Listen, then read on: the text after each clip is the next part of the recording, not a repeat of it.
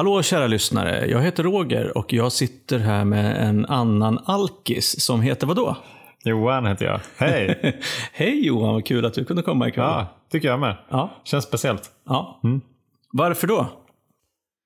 Det är ett jubileumsavsnitt, tänker jag. Ja, det är ett jubileumsavsnitt. Ja, Det är ju helt sjukt, men alltså vi släpper det här avsnittet den 31 maj. Det betyder att vi har täckt in exakt ett kalenderår med Alkispoddar. ja det gör det faktiskt. Ja. Från 1 juni 2018 till 31 maj 2019. Ja. Det är ju värt att fira. Det kan vi ju, hur gör man det bäst än att spela in ett avsnitt av Alkispodden? Ja, fan. Ja, det är få, få saker som jag kan tänka mig jag hellre skulle vilja göra för att fira ett år med Alkispodden än att spela in ett avsnitt om ett år med Alkispodden. Ja, just det. Som vi då, eh, med tanke på förra veckans gäst, skulle kunna kalla rapport från vårt första år som poddare. Ja, exakt. Ja, vad har du att rapportera, Johan? Oj, det finns ju hur Spontant mycket bara. som helst. Alltså det här, kära lyssnare, som vanligt, det här är helt orepat. Vi har, inte, vi har, vi har sagt så här, vi ska spela in ett avsnitt om vårt första år med Alkispodden. That's it. Vi får se vart vi hamnar. Alltså, ibland är det lite obehagligt att det är så här o, Ja. orepat och naket. Okej, jag. jag ställer en fråga. Vilket är ditt favoritavsnitt? Men jag tror nog ett, ett av favoritavsnitten då. Mm. Det är nog det med Andrea faktiskt. Första Ja. gästen. Det var ju magiskt. Och så här, hela hur det där kom till. Mm. Tycker jag. Att det, liksom helt plötsligt så var det någon som faktiskt hade mejlat till oss på alkispodden.gmail.com. Och så här, "Äh, hej jag lyssnade på er podd. Så bara, Va? Det är någon som lyssnar också. och, eh, och eh, lyssnar och lyssnar på det vi säger. Ja. Och eh, på, på en förfrågan i, i podden om att om du skulle vilja vara gäst så hör av dig. Så är det någon som faktiskt hör av sig. Exakt. Ja, Och det fick ju det här fantastiska gästhjulet att eh, komma i rullning. ja precis. Och sen dess har vi haft massor med magiska gäster också. Så att jag tycker ju, jag håller med. Jag tycker vi satte ribban på en jävligt bra nivå med, med första avsnittet med Andrea. Så vi tackar för det Andrea. Ja, tack André. Vad tycker du då? Mm. Alltså ett av mina favoritavsnitt, det var ändå det när vi pratar om eh, den lösningen som vi har hittat. Nej, men 12-stegsprogrammet, när vi- Mm. den som heter Elefanten i rummet. För att vi hade ju gått och, och tippat på tå runt det där och, och Fan vad gått, jobbigt det var. jag har gått och, och jag har gått och tjatat. Fan, vi måste spela in det där avsnittet snart. Vi, kan inte, vi kan inte undanhålla den här fantastiska lösningen. Mm. Så det är ett av mina, mina favoritavsnitt. Galenskaparna är också ett härligt avsnitt. Ja, det är en klassiker. Förutom alla gäster. Jag tycker att det är svårt att eh, gradera gästerna. Alla har varit så jävla magiska. Men jag kan säga att Ja, ja, det avsnitt som jag skrattade mest under, det var ju inspelningen med Fredrik Granberg Ja, från eh, Södra Teatern. Helt galet. Jag ser fortfarande framför mig den där... eh, Jag, jag, ser, jag ser det framför mig som att det är ungefär som ovanpå en kyl. Ja. Så, där, eh, så som vi har här hemma. Ja. Eh, 12 eh, bag-in-box liksom in, inklämda. Och sen den här skumkronan på... Rödvin med skumkrona. Ja. Den Eller var det vitt vin? Ja, det minns jag inte. Är- det var är- vin med skumkrona. Ja, den, är, den, den bilden kommer jag, aldrig, att- den kommer jag aldrig att bli av med. Nej, precis. Jag tänker så här också. Vad har varit roligast? Ja, alltså det roligaste och det, det mest belönande, det är ju att få feedback från lyssnare. Mm. Både sådana som har skrivit till oss, Mm. sådana som vi har pratat med, sådana som har varit här och gästat oss i podden. Och eh, ett favoritmoment när det gäller det, det, det var ju det som skedde in real life när vi av en slump stötte på Kathleen Mm. på ett tolvstegsmöte. Och hon var ju sen gäst hos oss. Mm. Det knyter ihop den här säcken med Andrea väldigt, väldigt bra eftersom hon hade lyssnat på Andrea-avsnittet så, så länge och sen så, så träffades vi när Andrea tog två år och vi var där och hon var där och det blev ja, jävligt emotionellt. Mm. Så att jag tycker att det är både stort och det hjälper mig väldigt mycket men det är också jävligt roligt att få, få möta de här människorna som, som vi ändå har, har nått ut till. Mm. Att de liksom når, når ut till oss, det är ju helt jävla galet. Själv då? Ja, men jag tror också att det är mötena med människor och med det så menar jag att verkligen inte känna sig ensam.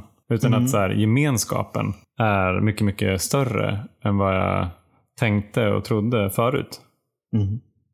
Jag menar, vi, vi, vi pratar om gemenskapen som att gå på möten till exempel. Och det är det ju. Det är en jätte, jätteviktig gemenskap. Men det känns som att med podden så har den här gemenskapen bara växt. Aha. Och blivit, eh, blivit mer.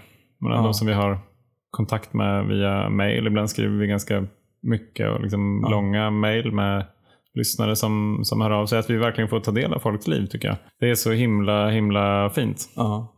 Och där skulle jag gärna så här live, fast det är inte live, vilja skicka eh, också en shout-out till alla lyssnare som hör av sig. Men också, ni ska också veta att oftast när ni hör av er så är det ju vår ständiga sekreterare, det vill säga Johan, som eh, hanterar väldigt många av de här eh, konversationerna. Och jag eh, tycker att du gör det på ett fantastiskt sätt. Jag är så jävla glad att du, att du tar hand om de här människorna på Tack, ett så bra sätt. En grej till som jag tänker på. En sak som verkligen som, som jag fått insikt om och eller i och kunskap om under det här året. Det är ju hur det är att vara anhörig och medberoende. Ja, precis. För att eh, det är ju en dimension av den här sjukdomen som, som jag inte egentligen hade råkat ut för eller haft kontakt med eller, eller fattat ens Nej, innan, innan vi började med podden. Så att där tycker jag att de här samtalen som vi har haft med, med anhöriga och medberoende har ju varit helt, många av dem har varit ganska tunga. Ja, Och jag har verkligen liksom på ett helt nytt sätt förstått hur den här sjukdomen ställer till det för anhöriga. Och det, det kan man ju tycka att jag borde ha fattat eftersom jag har ju ställt till det och gjort mina gottgörelser. Ja, men det är ju min story. mm. Alltså mina gottgörelser och mina relationer som, som, som jag har sett och att få höra andra människor berätta om sina relationer och sina, sina trauman och eller hur man, hur man hanterar det, det har varit helt sjukt också. Mm. Så att alla ni anhöriga och medberoende som har varit med som gäster, fantastiskt. Alla ni anhöriga och medberoende som hör av er till oss och ställer svåra men väldigt viktiga frågor. Mm. Tack så mycket. Mm. Är det någonting liksom specifikt kopplat till det där som har blivit viktigt? Till, eh, an- Till, ja, till anhöriga medberoende? Ja, men alltså, på ett sätt så... Jag vet ju hur, hur svårt det var för mig till exempel att eh, lyssna på mina barn som ville att jag skulle sluta dricka Mm. när jag var aktiv. Mm. Och det är ju en, en dimension av det här som jag verkligen har fått känna av det här året med alla de här snacken. Just det där att både från gäster som är alkoholister och tillfrisknar nu, men också från anhöriga som säger att det, det är det är just den här frågan, varför lyssnar en alkoholist minst på dem som de älskar mest? Mm. För så kände jag att det var. att ja, men jag, Mina närmaste, de fanns där och jag, jag tog dem inte på allvar. Jag tänkte eller trodde, som, också som Rebecca pratar om i, i, i det programmet, just det där att ja, men jag, jag lovade. Och trodde någonstans att jag höll det löftet om jag var nykter några dagar. Eller sen så just det, men jag är ju vuxen. Jag, eh, jag, jag, kan, jag, kan, jag kan hantera mitt eget liv. Vilket jag inte kunde. Mm.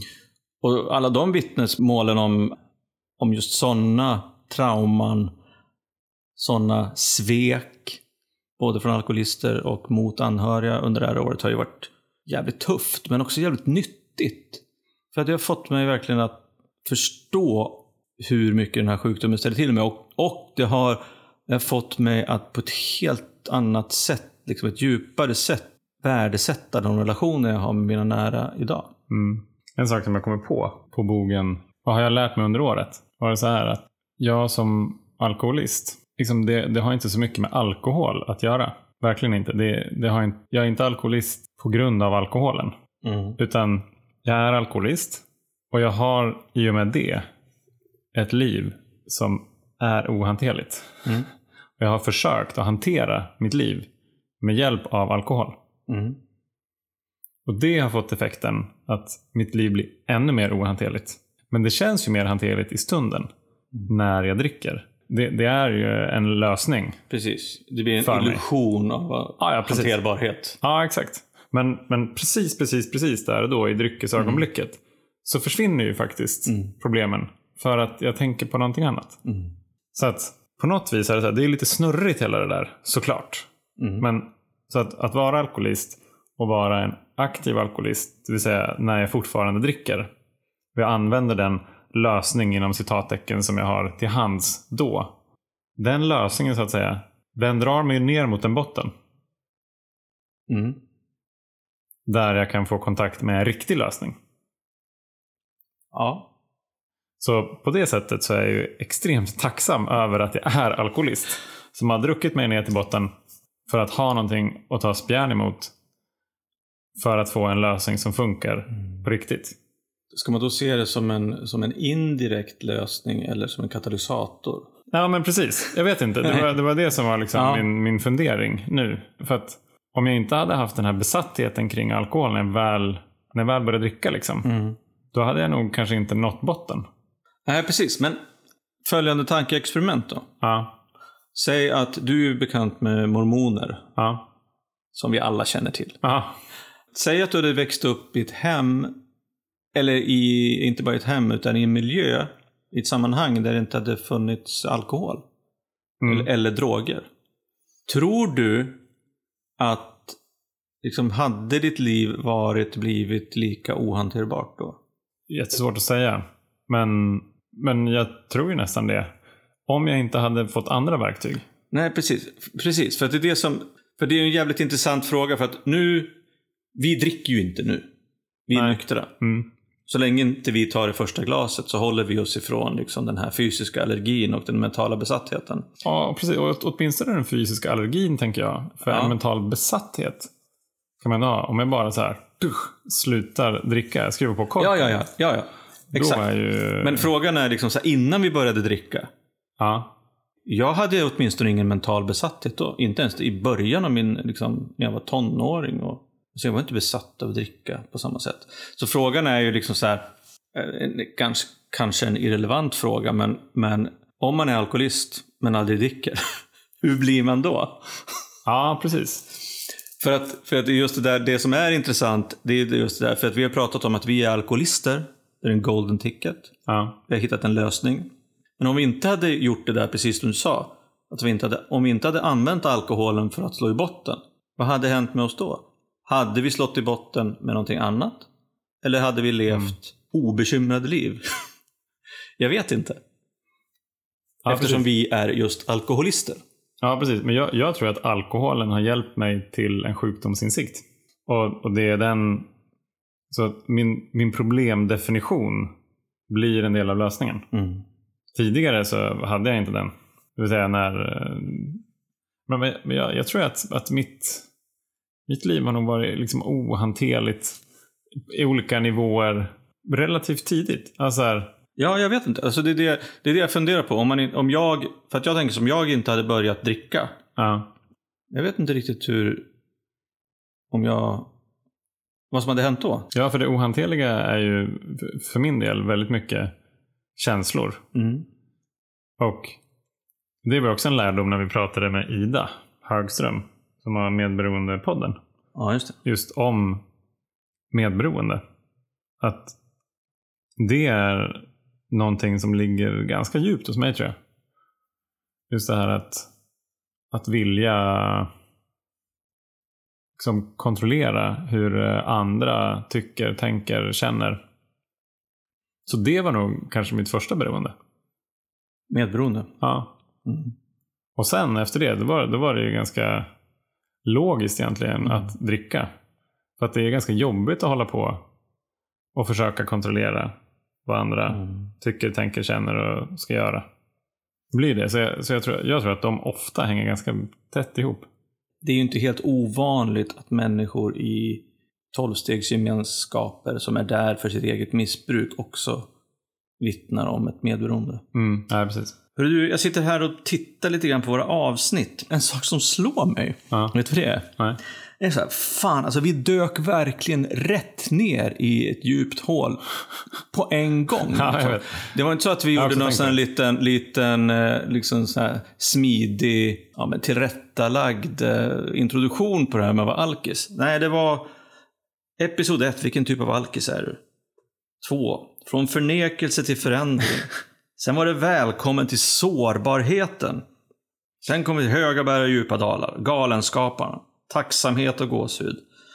Sen var det sommar och då blev det resa och semester.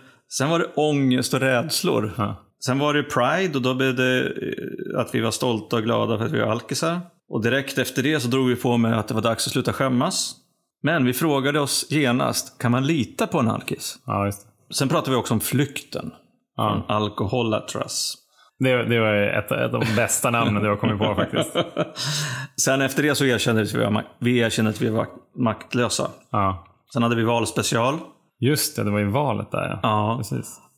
Så att man kan ju alltså följa eh, ett kalenderår genom att bara titta på Alkispoddens avsnitt. Mm. Sen började gästerna komma. Det var Andrea. Sen pratade vi om lösningen. Nu kommer Gustav. Han har också varit en stående Ja, lösningen, sidekick gubben. under det här året. Sen hade vi samtal med Jesper. Sen pratade vi om att jag tog tid för en lång, lång tid. Ja, just det. Sen eh, Gud ge mig sinnesro. Och först efter detta kom elefanten i rummet. Ja. Det var alltså 15 oktober förra året. Jag tycker någonstans att det var... Jag kommer ihåg hur svårt det var att, att inte prata om tolvstegsprogrammet där. Jag menar, vi, vi, vi pratade ju ändå om att vi var maktlösa, vi pratade om eh, Gud ge mig sinnesro. Ja, precis. Det var Vi lite- var inte superduktiga på att kamouflera det Det där. var lite, det var, ja, lite im, implicit i Ja. alla fall. att Prata om. Sen gick vi vidare med samtal med Christian från eh, Make a Change. Ja. Eh, sen var det Ärligt talat. Sen kom Emily, en det. av de anhöriga. Pratade vi om Alkis utan gränser. Sen hade jag snackat med Josefina. ja, det var ju jobbigt alltså. Ja, och vi försöker ju hitta ett datum för att du ska prata med Jenny också. Ja, precis. Det ska bli spännande. Roger håller på att förhala det här. Vadå? Det, det har ju inte gått ens ett halvår. Nej, precis. Jag kommer ihåg jäklar vad jag var nervös. Jag satt eh, nere och bara, Mm. är de inte klara snart? Hur mycket har de att prata om egentligen? Men det var ju väldigt Exakt. fint att få, att få höra Josefinas berättelse, tycker Mm. jag. Även fast det sved lite grann. Men, men på det stora hela var det väldigt fint. Mm. Sen pratar vi om att du är inte ensam. Sen kommer samtalet med Fredrik. Mm. Avsnittet Rysk roulette. Det minns jag också. Du pratade om dödsknark, bland annat. eh, samtal med Ida från Medberoendepodden. Vi hade en årskrönika också. Sen snackade vi med Manne Forsberg. Efter det så var det Joy of Missing Out. Ja, just det. Alicia var här. Mm. Det var också en jävla story alltså. Strippklubbar i Australien ja, och maffian och tunga droger. Känner mig- Återfall. Känner mig väldigt präktig. Ja. Tack för den resan Alicia. Ja. Sen körde vi 10 year challenge. Mm. Spelade vi in i Malmö. Ja. Och sen snackade vi med Erik Palmqvist. Och lyssnade på hans fantastiska skiva. ja, det känns ju kul att ha hittat ny musik. Ja, Också tack vare, precis. tack vare podden. Så att om ni inte har lyssnat på Eriks eh, platta En halv gris kan inte gå, så gör det. Den är Tycker ju det skitbra. Det är ju rätt magiskt att göra, att skriva, skriva den här musiken under det aktiva Ja. och sen släppa det när han är nykter. Ja. Det är modigt. Sen pratar vi om de tolv löftena. Vi snackar med Swedish Girl Gone Sober. Efter detta så var det samtal med Nemo Hedén, Mm. Mikaela, eh, anhörig. Mm. Sen tog vi på oss offerkoftan. Ja, den sitter väldigt skönt den här offerkoftan. Ja, den gör det. Nu jävlar är jag redo att bli kränkt. ja. ja, precis. Det var, det var en, eh, en lyssnare som hörde av sig och, och tyckte att eh, från offerkofta till möjlighetsmantel. Ja, ja det är sant. Mm. Sen snackade vi med Per Holknekt. Eh, Vi pratade också om vad det viktigaste i livet. Ett långt samtal med Lena Nilsson. Vi pratade om kärlek i A Love Story. Ja. snackade med Patrik Vincent. Vi förde budskapet vidare. Vi snackade med Kathleen. Sen var vi stressade i ett avsnitt. Ja, jag, jäklar vad jag var stressad där ett tag. Ja, alltså. det var stressade ett tag där. Sen hade vi två halvlekars snack med Robert Lau. Med och utan mick. Sen pratade vi förra, för några veckor sedan om hur viktigt det var att vara alkis. Och det senaste avsnittet då, samtal med Rebecca Åhlen. Fan vilken jävla grej Johan. Ja, verkligen. Alltså, 53 avsnitt har vi spelat in och släppt på ett år. Det är ett avsnitt i veckan. Mm. Vi har haft 18, tror jag, gäster. Mm. Det är coolt. Ja, det är skitcoolt. Ändå ganska få. Av 53. Men det tog ju ett tag innan vi fick in gästerna. Ja. Innan vi vågade. Mm. Åh. Jag gillar upplägget nu där vi har varannan. Eh, Ja. Det är härligt. Vad har varit jobbigast för dig under året med Alkispodden? Det som har varit jobbigast, eh, det har egentligen ingenting med varken nykterhet eller alkoholism eller, eller snack att göra. Det har varit, jäv- lite stressigt med produktion av Ja, Alkispodd ibland. Ja. Och jag har känt mig... Vi hade ju ett skov, höll jag på att säga, där vi spelade in väldigt, väldigt många avsnitt med gäster under kort tid. Mm. Och då blev det lite mycket. Det var strax innan du blev sådär stressad. Ja, precis. Jag undrar om det kunde ha någonting med det att göra. Kanske. Jobbigast? Vet du vad jag tänkte på? Det är flera som jag pratar med som så här, säger så här. Var det inte jobbigt att höra sin egen röst i början? Ja, tyckte du det? Nej! Nej. Jag blev jätteimpad. Aha. Jag bara, fan vad bra jag låter. Jävla radioröst du har. ja, verkligen. Jag har inte tänkt på det. Men eh, nej, jag tyckte att det var, det var ganska, ja, men ganska kul. Och sen så tycker jag så här att det finns ju en anledning till att just du och jag sitter här och gör den här podden och har gjort det ett år. Det var ju för att vi, vi började prata med varandra redan innan, utan att spela in. Ja, precis. Vi, vi, har ju, vi har visste ju att vi kunde pratat- prata med varandra Ja. och att vi inte behövde någon... Det var ganska... Allting har liksom gått på, ja, men på känsla. Mm. Det är som, som det, det är, fan vi är nyktra, vi är punkiga, podden är punkig, vi kör på liksom bara. Mm. Jag tycker det är ashärligt. Sen så, så tänker jag så här att eh, det känns som jag pratar om allt, men vad har vi inte pratat om Johan? Som du, vad saknar du? Oj, vad har vi inte pratat Ja, om? vad saknar du? Ja, men jag tycker vi kan prata lite mer om stegen till exempel. Mhm. Vi kan ju prata om eh, karaktärsdefekter, vi kan prata om gottgörelser, Mm. vi kan prata om bön, Mm. vi kan prata om meditation. Ja, vad skulle vi mer kunna prata om då? Vad finns det för eh, alltså, önskegäster på listan då? Både namn men också kanske typer av gäster. Jag tycker att det skulle vara jättespännande att eh, prata med någon som är aktiv. Ja. Och jag skickade ju en länk till dig igår Mm, om, eh, om alternativa metoder. mm, just det. Eller kanske metoder för att eh, lära sig att dricka måttfullt. Det vore jätteintressant att prata med företrädare för, för sådana ehm, teorier också. Mm. Så att jag tycker väl att, att det som är, är bra i det här, det vi, det vi har gjort och det vi söker, liksom ändå att bredda samtalet. Ni som har lyssnat på Alkispodden under ett års tid, ni vet ju vad jag och Johan har för lösning. Ni vet ju hur vi var när vi drack, vad som hände med oss och hur vi Mm. har det nu. Och även varför vi har det som vi har det nu. Så att jag känner mig mer trygg idag, ett år in i podden, i att prata om andra saker också. Alltså alternativa lösningar, alternativa teorier, eh, till exempel, eller människor som inte håller med. Mm. Nej, precis. Eh, så att, eh, men i början så var jag nog ganska rädd för att eh, då vill jag hålla det ganska tight. Mm. Att det, handlar om, det handlar om vad vi har varit med om. Vi kan inte berätta eller tala för någon annan. Och det handlar om hur vi har hur vi tillfrisknar från vår alkoholism. Och det tycker jag vi har hållit. Va? Ja, det tror jag. Jag upplever att vi pratar kanske mer och mer om nykterhet. Mm. Och det vill jag nog prata ännu mer om. Jag skulle vilja borra, liksom fortsätta borra i vad innebär det egentligen att vara nykter? Och behöver man ha varit alkoholist eller beroende för att bli nykter? Mm. Hänger de ihop Ja, ja. på något vis? Alltså för oss gör de ju det såklart.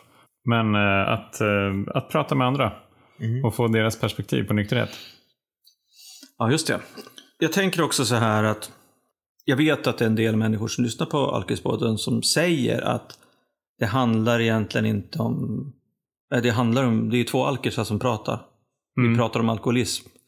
Men ehm, jag tror att både de problemen och de lösningarna som vi pratar om är ju kanske allmängiltiga. Mm. Jag tror inte att det är bara vi alkoholister som, som drabbas av ångest eller, eller eh, har bekräftelsebehov eller är självcentrerade eller har karaktärsdefekter eller gör dumma saker Ja, eller har svårt att be om ursäkt eller blir stressade. Vi säger ju att vi är så glada att vi är alkisar för vi har ju hittat ett golden ticket för vi har ju en kontext att sätta in det mesta i. Mm. Inte allt, men det mesta. Så att om vi håller oss till det programmet som vi har valt Mm. så får vi åtminstone mycket, mycket mindre problem än om vi inte hade vårt program. Ja, precis. En annan sak jag kommer att tänka på också, det är att vi startade ju podden för att ja, men bryta ner skam kring alkoholism. Och vi valde att kalla den för Alkis-podden för att just alkis är så stigmatiserat. Mm. Det, det, jag tror att det är många, jag menar jag hade också en bild av, aha, vem, vem är en alkis liksom? Och, och just att, att jag tänker att ja, men det är inte jag som är på den här parkbänken. Det är inte ett skydd för mig, utan det är snarare ett hinder för mig för att se mitt eget beteende. Mm. Det är en sån insikt som, har, som faller liksom ännu, ännu lite mer in hos mig. Ja, Du menar att eftersom bilden eller fördomen om vad en alkoholist är ligger så långt ifrån en själv. Ja, precis. Ja, men säg liksom en tänk, parkbänksalkis. Ja, precis. Så Ja. tänker man att jag är inte där, därför är inte jag sjuk. Ja, precis. Ja. Så eftersom jag inte är på parkbänken, eller under, så Mm. identifierar jag mig inte som alkis. Och därför har jag heller inga problem. Nej. Eh, men det gör ju inte att jag kommer närmare en lösning, bara längre bort från en lösning. Ja, exakt. Så, så, jag, så jag skulle vilja att vi ännu mer fortsättningsvis liksom skapar ett ännu mer nyanserat ansikte av Ja. vad, vem är en alkis. Och jag menar, jag tycker att det finns en ambition hos, hos mig i alla fall att försöka lyfta både problematiken, sjukdomen, men också precis som du säger, liksom ett nyktert liv. Så att det inte blir det totala liksom, nederlaget att erkänna att man är alkoholist. Så att kanske Nej, fler människor tidigare kan välja ett nyktert liv. Mm. För att vi vet ju både du och jag att det är väldigt svårt att komma fram till en, en aktiv alkoholist liksom med en diagnos eller kanske dricker inte du lite mycket. Mm. För att, Nej, det gör för jag att, inte. för, nej, för, för att det är så ja, men stigmatiserat. Mm. Men om det inte är det. Ja, precis. Men liksom det är så här att om någon skulle komma fram till mig och säga så här. Du, fan, du har gått upp i vikt, du börjar bli lite tjock. Mm. Nej, det har jag inte. Alltså, det är ju så här, det blir ju antingen så här ja eller nej, eller, eller, eller verkligen så här, vilken gul hy du har, eller vilka eksem du har, på, liksom, eller vad som helst. Mm. Det är ju inte så att man, alltså jag förnekar ju inte det. Oj, oj, det, fan, det har jag inte sett det här, det här födelsemärket som jag börjar liksom, kanske ska titta på, på ryggen. Mm.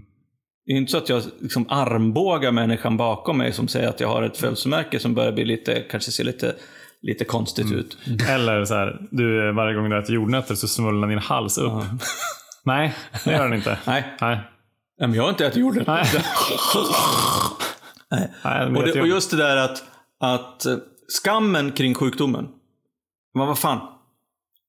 Det är jättemånga människor som har problem med alkohol. Eller droger. Mm. Eller andra typer av beroende. Alltså, då, menar jag jättemånga. Och just det där att istället för att hålla det hemligt och skämmas för det. Att man så tidigt som möjligt kan, kan kanske fatta det själv eller låta någon säga, säga det. Så att man slutar med det. Det är ju liksom det första steget. Men sen att man, nästa steg är att man vill sluta med det. Därför att man vet att ett nyktert liv är mycket bättre. Vilket är kanske ett, ett högre trappsteg att ta. Men jag håller med. Det är folk som jag som, som dricker, som jag gjorde och tänkte att det är det, här, det är det här jag vill ha. Eller jag kan inte sluta därför att då har jag ingenting kvar. Jag hade fel. Ni har fel. Alla som gör på det sättet har fel. Sen kanske inte alla kan göra någonting åt det. För det är väldigt svårt att bryta den här, ja, men den här mentala besattheten framförallt. Mm. Det är jätte, jättesvårt. Och vissa droger och mediciner förstås har ju så mycket kemiska, eh, kemiskt beroende som gör att man, ja, det är svårt att lägga av med det. Helt enkelt. Bara så, pang bom sådär. Mm. Jag hade ju som tur var inga problem att sluta dricka. Fan, vi har ju, vi har ju inte släppt det avsnittet eh, ännu, men vi har ju pratat med Elisabeth Ja. som jobbar på avgiftning. Och eh, fan, det, är, det är jävligt läskigt att folk, att vissa inte bottnar. Kanske aldrig bottnar. Liksom. Ja. Hittar sin botten. Det kan man ju inte veta. Nej. Så att den här, alltså alkoholism, ämnet är så jävla stort. Det är läskigt, det är svårt, det är individuellt och det är eh, hugger klorna i en alltså. Mm. Men eh, jag är så jävla glad att jag lyckades snart 12 år sedan liksom låta mig bli hjälpt. Mm. För det var snarare det som hän- hände. Mm. Jag lät någon hjälpa mig. Det var liksom min räddning. Och det stämmer väl på dig också. Mm. Absolut. Och jag tror att det är det som många, att man låter någon annan människa eller kraft hjälpa en. Släpper på isoleringen och stoltheten och skammen och, och låter någon hjälpa en. Det var ju precis innan det här, nu idag på eftermiddagen, så var jag höll en föreläsning Mm. på tema kärleksfullt ledarskap Ja. för en, eh, ett eh, PMO, en eh, projekt, projektkontor på ett stort byggbolag. Och då var det en, en kvinna där som kom eh, efteråt som ville tacka så jättemycket för föreläsningen. Och så sa hon så här, hon bara, men vet du, det är så fint med, med sådana som har varit beroende eller är beroende eller i ett missbruk. För att jag har inte träffat någon som inte har varit mycket mer intelligent än alla andra runt omkring. så hennes spaning var så här, folk som är beroende, de har då liksom svårt att hantera eh, folk runt omkring. Mm. Eh, och därför måste de dricka. Och så visade det sig, jag vet inte om hon sa det för att hon eh, ville ge mig massa bekräftelse. Jag blev, kände mig jättebekräftad i alla fall. Det var det är härligt. Skönt för dig. Ja, skönt va? Nej, men det, det var ett nytt perspektiv Ja. som jag inte har hört innan. Men en annan, eh, en annan reflektion är att livet är ju ganska magiskt ändå när jag kan ändå stå och hålla en föreläsning för, här, för den här gruppen som, som alla är liksom experter på sina områden och så kan vi faktiskt ha en, en timme, en kvart kring alkoholism, kärlek, ledarskap, kontroll, tillit, perfektionism. Alla de här liksom grundläggande sakerna som driver oss och styr oss Mm. som vi inte riktigt pratar om. Nej. Vi vill hellre prata om andra saker för att det är mer safe, uppfattar jag. Det är ju på något vis lättare att prata om eh, projektplaner och budgetar och kontrollfunktioner och affärsplaner Ja, än att vi pratar om liksom våra känslor. ja exakt. Och jag, det, det får man tänka på lite grann. Eh, vi pratade en del om rädsla också Mm, under året. ja. Och eh, det som slår mig nu, det är att av någon jävla konstig anledning så har jag aldrig varit rädd för hur Alkispodden skulle liksom tas emot eller hur det skulle gå eller hur, hur det skulle bli. Nej. Och det är jättekonstigt egentligen. Mm. ja, det skulle lätt kunna bli prestation. Ja, ja, ja, absolut. Nej, men jag håller med. Det har inte varit... Eh, Och det är ju jävligt befriande ja, sen jag tänker efter. ja. Jag tror en, en, av, eh, en av anledningarna tror jag är att att en av anledningarna är att vi till, inte tjänar några pengar på podden. Ja. Att det inte blir ett eh, businessprojekt. Det är en, annan, en annan anledning, det är att vi utgår ifrån oss själva hela tiden. Så det finns ju ingen som, det är ingen som kan komma och säga emot. Du kände inte sådär? Nej, precis, exakt. så där känner du inte. Men, men, men på det då? Det, jag menar, det är ju ändå rätt utlämnande.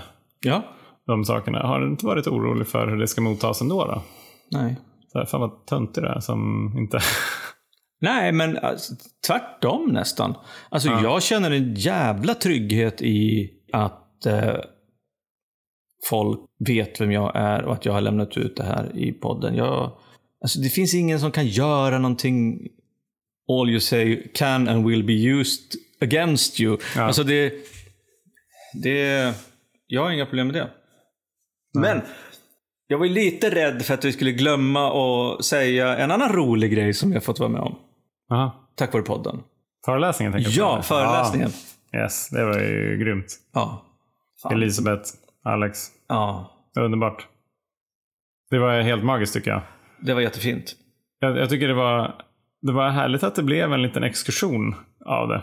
Mm. Alkispodden eh, reser till Göteborg Ja. en eh, söndag för att eh, hålla en föreläsning på Kulturlagret i Göteborg en söndag kväll. Precis. Så ni som lyssnar här nu, ni vet ju att det går. Det går att få ut Alkispodden på, på föreläsningar. Under rätt förutsättningar förstås.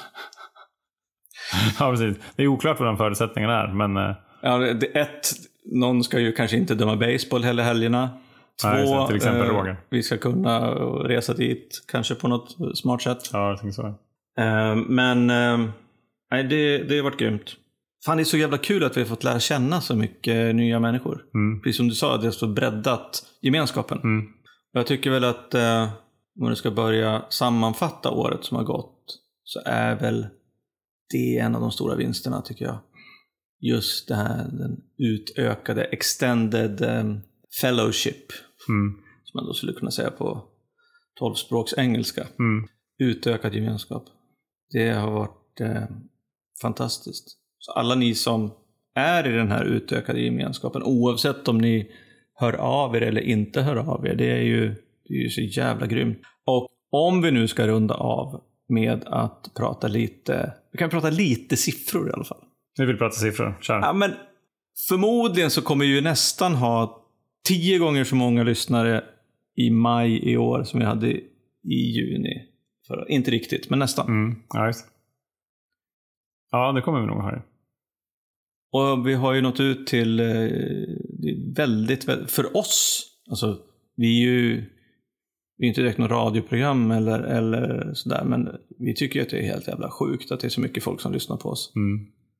Två jävla alkisar som sitter och svamlar och Fyllesnackar. Fyllesnackar. Vad har du för förväntan på år två då, med Alkispodden? Oh. Jag har, jag har förväntningar på att podden fortsätter som, som vanligt. Jag har också lite andra förväntningar på att vi till exempel kanske bygger en, eh, ja, men en, en lite mer eh, strukturerad eh, digital närvaro. Att vi kanske hittar andra arenor att vara med på. Mm. Föreläsningar, rörligt, lite sådana här alltså paneldiskussioner kanske. Det kanske kommer Alkis-podd i, i annan, annat format, inte vet jag. Ljudbok. Ljudbok. Nej, men eh, kanske, kanske blir eh, det kanske blir eh, rörlig bild eller det kanske blir på papper. Det vet jag inte. Vi får väl se. Mm. Men eh, imperiet måste ju växa. Alkis-imperiet måste växa. Alkoholister, förena er. ja, precis. Så är det. Upp på barrikaderna och sluta skämmas. Ja, fan. Det är nog det avsnittet som jag var mest eld och lågor, kommer jag ihåg. Ja. Jag satt och skrek här. Vet. Och jag håller, jag håller fortfarande fast vid den eh, åsikten. Du håller med dig själv? Jag håller med mig själv. Mm. Fan, det här är ingen skämmas för. Men också med svar på liksom rädsla av att vara öppen och, eh, Ja. och sådär. Nej, fan. Ju mer vi kan bidra till att eh, ta bort den här jävla skammen, desto bättre. Ja, Johan. Jag känner mig väldigt stolt både över att vara alkoholist Mhm. och att vara en del av Alkispodden. Mm. Ska du vara. Det känns eh, fantastiskt fint tycker jag. Det är du värd. Ja, tack. det, var, det, det, det behövdes en rödhårig så jag blev inkvoterad i... Ja. Nej, men så, så gillar jag våran, våran mission. Att så här, på något vis förändra, försöka förändra sättet som vi ser på alkisar Mm. i samhället. För att det gynnar inte någon. Om vi håller fast vid den här gamla bilden. Nej, och med det sagt så är det ju så här också att ni som lyssnar, om ni kan hjälpa till att sprida det här ännu mer så blir det ännu större och så blir det ännu mindre skämmigt. Mm. Om ni kan höra av er till oss och berätta vad ni skulle vilja höra Eller vilka gäster ni skulle vilja höra. Eller på vilk, i vilken form ni skulle vilja uppleva Johan och Roger. Alkispodden, hologram kanske. Oj. Mm. Och om det är någon som känner att de vill ha sån här, sån här customiserat kreditkort eller betalkort med en bild på Johan och Roger. Så kan ni mejla så kan vi skicka en högupplöst fin Till exempel. Ja. Det kan man ju Eh. faktiskt fixa. Ja. Ja. Eller en kaffekopp eller något sånt där. ja, precis. Det skulle jag vilja ha. Ja, fan det är nog år två. Vi måste ha lite merchandise. Ja, Alkispodden kaffekoppar. Ja. Alltså, äh, ja, jag har ju frångått det där för att jag inte dricker kaffe något mer då. Men, Nej, men äh, te då? man kan väl göra en tekopp, Det kan man temugg. Det kan man. Känns ju, ja, känns ju lite avskalat att liksom inte ens få dricka kaffe när man är nykter alkis. Så har, har ni önskemål, drömmar, ehm, vill ha en autograf av Johan kanske? Så Det kan man få. ska man få. Roger är lite dyrare. Så fan hör av er. Ja. Vi, vi tycker att det är jättehärligt att, att ni hör av er till oss. Har du med Johan? Ja, men jag funderar på vad jag har för förväntningar. Jag tänker att Alkispodden år två innehåller ju också en bebis. Det gör den. tänkte jag säga. Det är inte många veckor kvar nu för oss. En månad, lite Ja. drygt. Spännande. Ja, men det känns ju jättespännande. Och, att så här, prata om, om så här, kunna med egen erfarenhet prata om föräldraskap och Mm. att vara nykter till exempel. Och det, känns, det känns spännande och kul att, att jag får vara med på den resan och att det är, och att det är fler som är med. Ja, Att vi får möjlighet att dela med oss av det också. Och vi gör det ju helt avskalat som vanligt. fan grymt. Det är ganska skönt. Jag, jag gillar just det här. Eh, min sponsor brukar säga att eh, Well, you know, we're only as sick as our secrets. Mm. Och det, jag, jag tror att det är nog en del som gör att jag känner mig starkare och tryggare i mitt tillfrisknande. Att jag har ju ännu färre hemligheter nu Ja, precis. Och än vad jag hade för ett år sedan. Och det var väl det som jag menade också med, eller det, det knyter ju an till det som jag sa att uh, all you say can and will be used against you. Ja, precis. Och så länge man inte har några hemlisar eller håller inne med någonting så ja, då har man inte mycket att frukta heller. Nej, precis.